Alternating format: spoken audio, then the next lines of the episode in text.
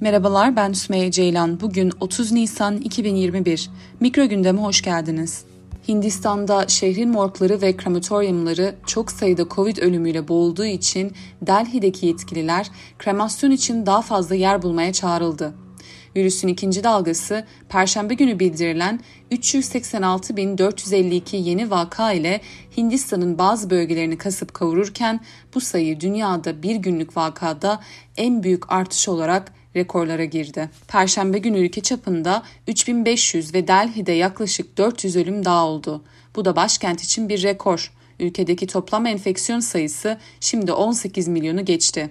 ABD'den ilk acil tıbbi malzeme sevkiyatının bir kısmı cuma günü geldi ve Beyaz Saray'ın söz verdiği yardımın 100 milyon dolardan fazla olacağı da belirtildi. Ancak Hindistan'da oksijen kaynakları ve hastane yatakları son derece yetersiz ve Covid hastalarının yakınları sosyal medyadan yardım için yalvarıyor.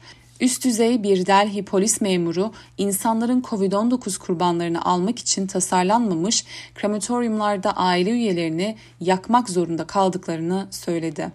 Hindistan Sağlık Bakanlığı geçen yıl Covid'den ölen kişilerin ele alınması ve yakılması için ayrıntılı yönergeler yayınladı ve yeniden enfeksiyondan kaçınmak için daha fazla önlemler alması bekleniyor. Hindistan'ın merkezi hükümeti salgını ele alışı ve son haftalarda büyük seçim mitingleri ve dini bayramlara izin verme kararları nedeniyle artan eleştirilerle karşı karşıya. Sağlık Bakanı Perşembe günü hükümeti savundu ve ülkenin ölüm oranının dünyada en düşük olduğu, oksijen kaynaklarının yeterli olduğunu söyledi. Cumartesi günü Hindistan'da 18 yaşın üzerindeki tüm yetişkinler aşı olmaya hak kazanacak ancak aşıların mevcudiyeti konusunda yaygın endişeler var. Hindistan dünyanın en büyük aşı üreticisi fakat 800 milyona yakın insan için yeterli stoğa sahip değil. Şimdiye kadar Hindistan'daki insanların %10'undan daha azı Covid aşısı oldu. Beni dinlediğiniz için teşekkür ederim. Bir sonraki mikro gündemde görüşmek üzere.